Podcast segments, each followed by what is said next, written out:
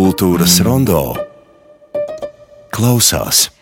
Pie Latvijas Nacionālā simfoniskā orķestra pults šovakar un rīt divos koncertos atkal stāsies orķestra jaunais mākslinieckais vadītājs Tarmo Peltokoskī, šoreiz piedāvājot mūziku no Tarmo dzimtās Somijas.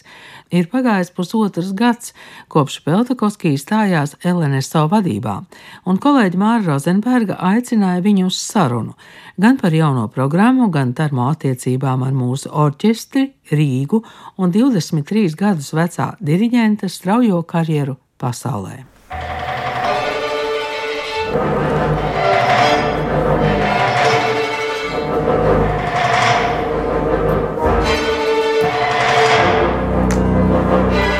Ar Termo Peltukovski esam norunājuši tikties Latvijas Nacionālā simfoniskā orķestra šā brīža mājvietā Lielajā ģildē pēc gaidāmā koncerta mēģinājuma. Mūsu tikšanās dienā tikko ir noslēdzies akustiskās koncertzāles metu konkurss, un skanot Esi Pekas Salonēna viola koncertam, es gandrīz fiziski sajūtu lielās ģildes šaurību. Domāju, kur Peltukovski savā karjerā būs pēc gadiem desmit, kad Rīgā cerams beidzot būs koncertzāle.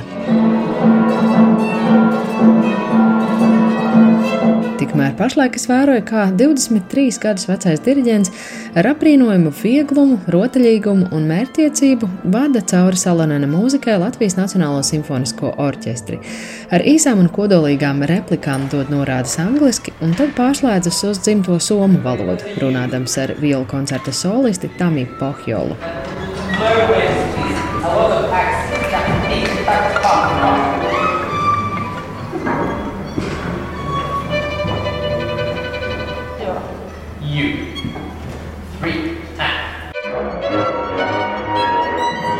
Šī programma man ļauj atgriezties mājās, vēlāk teiks Darmo Peltukovski.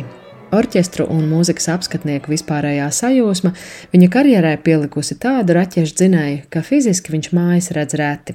Astoņu gadu vecumā Tarmo sāka spēlēt klavierus, 14 gados diriģēt, un jau 6 gadus vēlāk stāvēja pie Brēmenes vācu kameru filharmoniķu pults. Latvijas Nacionālais simfoniskais orķestris ir pirmais, kuram Peltokoski ir mākslinieckais vadītājs. Viņa trīs gadu līgums pašlaik ir pusē, un droši vien jau drīz Rīga viņam kļūs par jauku jaunības atmiņu un varbūt reizumis muzikālu pieturpunktu.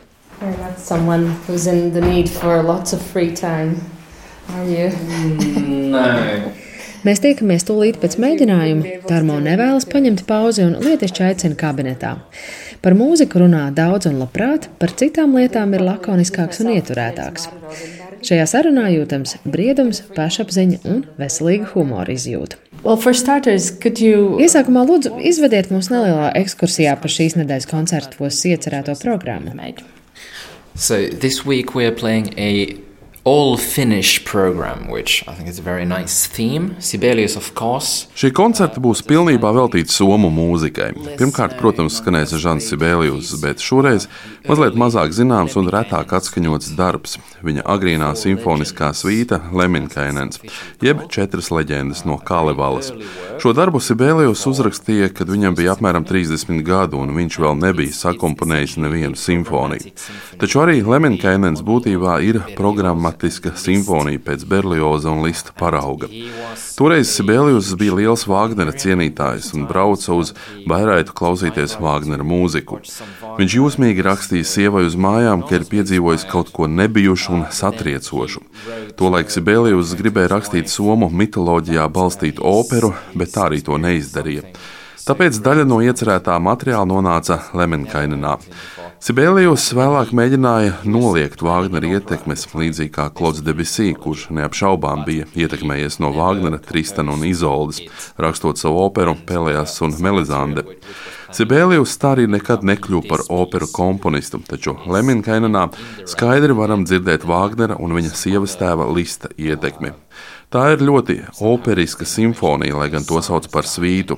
Tā ir balstīta Somu nacionālajā eposā Kalivala, kura galvenais varonis Leminkainens ir jauns, blonds un drusku padomšs puisis, kurš pirmajā daļā dodas uz kādu salu un dzenas pakaļ meitenēm, bet otrajā daļā nokļūst mirušo zemē Tuanelā un satiek mītisku gulbi.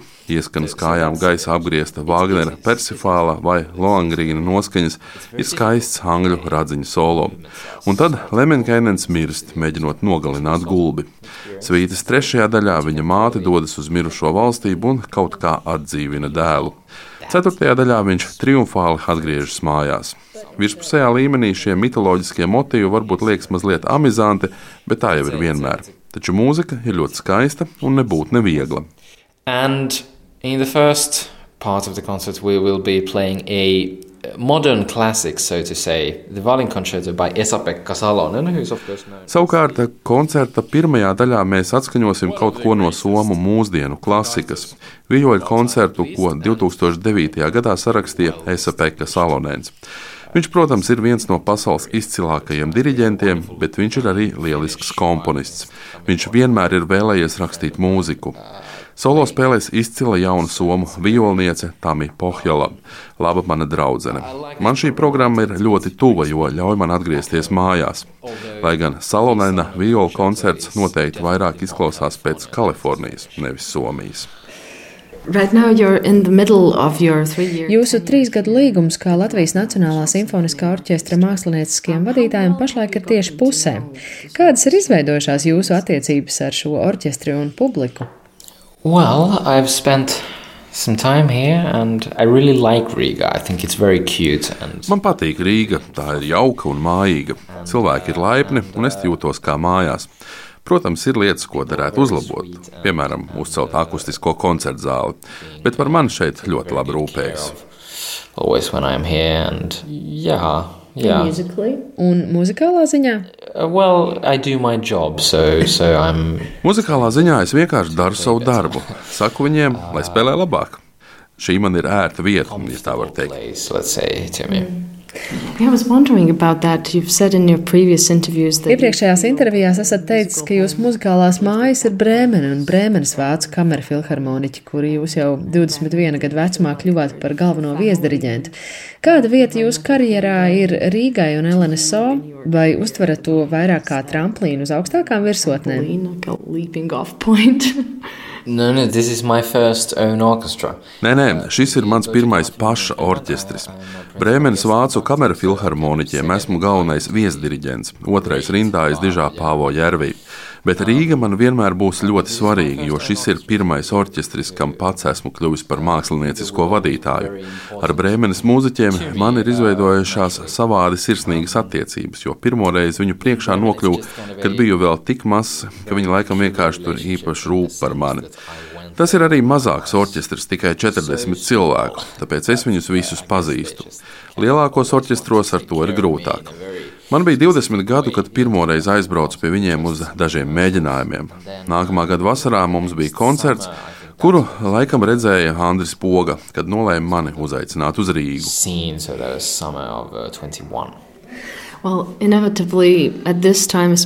We... Kā jūsu mūzikas izvēle un interpretācijas ietekmē šā brīža drūmie notikumi pasaulē? Karš Ukrainā, Izrēlā, Palestīnā.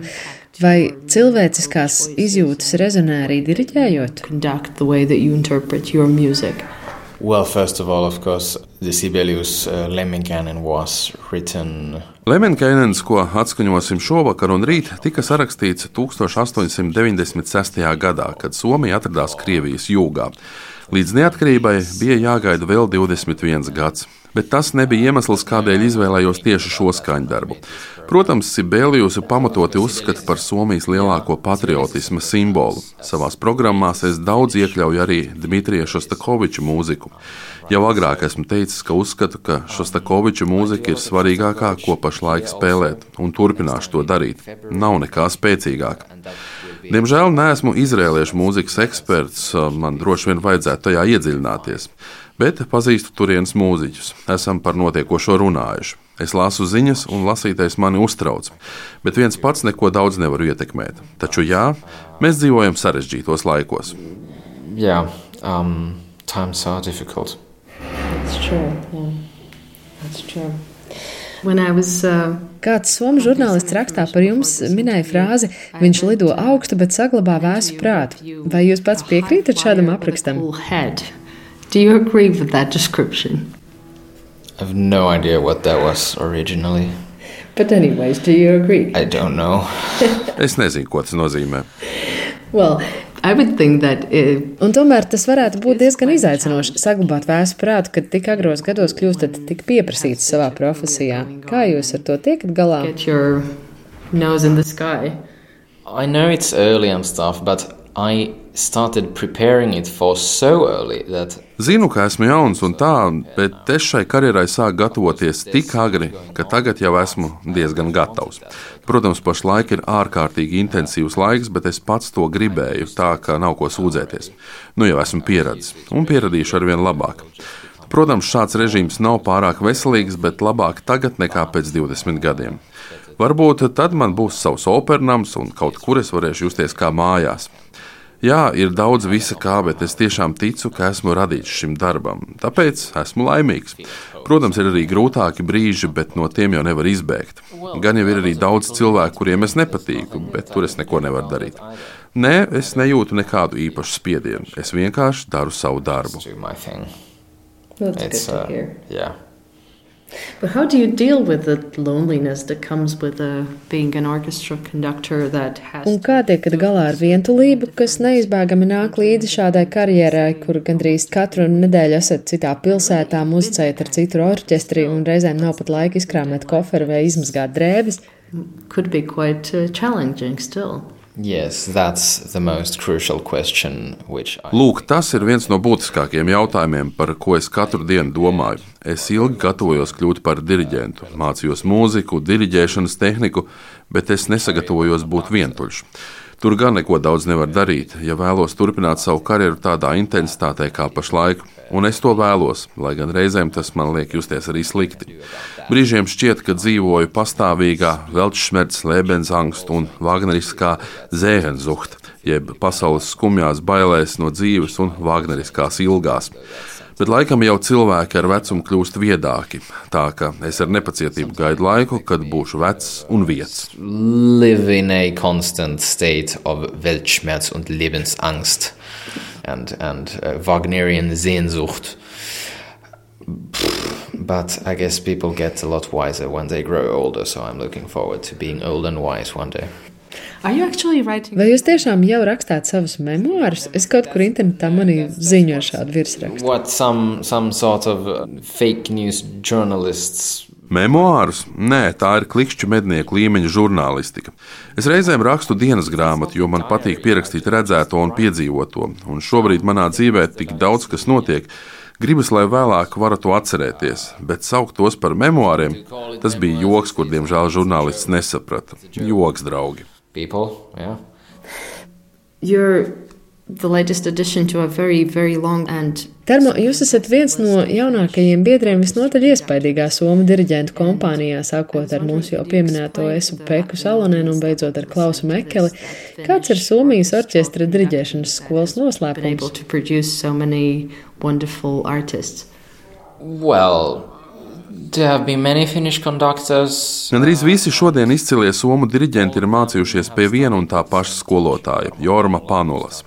Viņš sāka pasniegt 20. gadsimta 70. gados, un starp citu, Esapeka Salonēns bija viens no viņa pirmajiem audzēkņiem. Panulam pašlaik ir 93 gadi, un viņš joprojām strādā. Esmu jautājis, vai viņš kādreiz gribētu atbraukt uz Rīgu.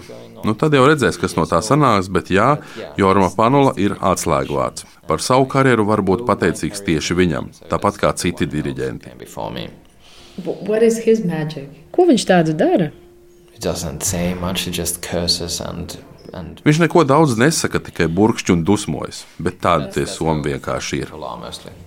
Next, uh, un kādi ir jūsu tuvākie plāni pēc šiem Rīgas koncertiem?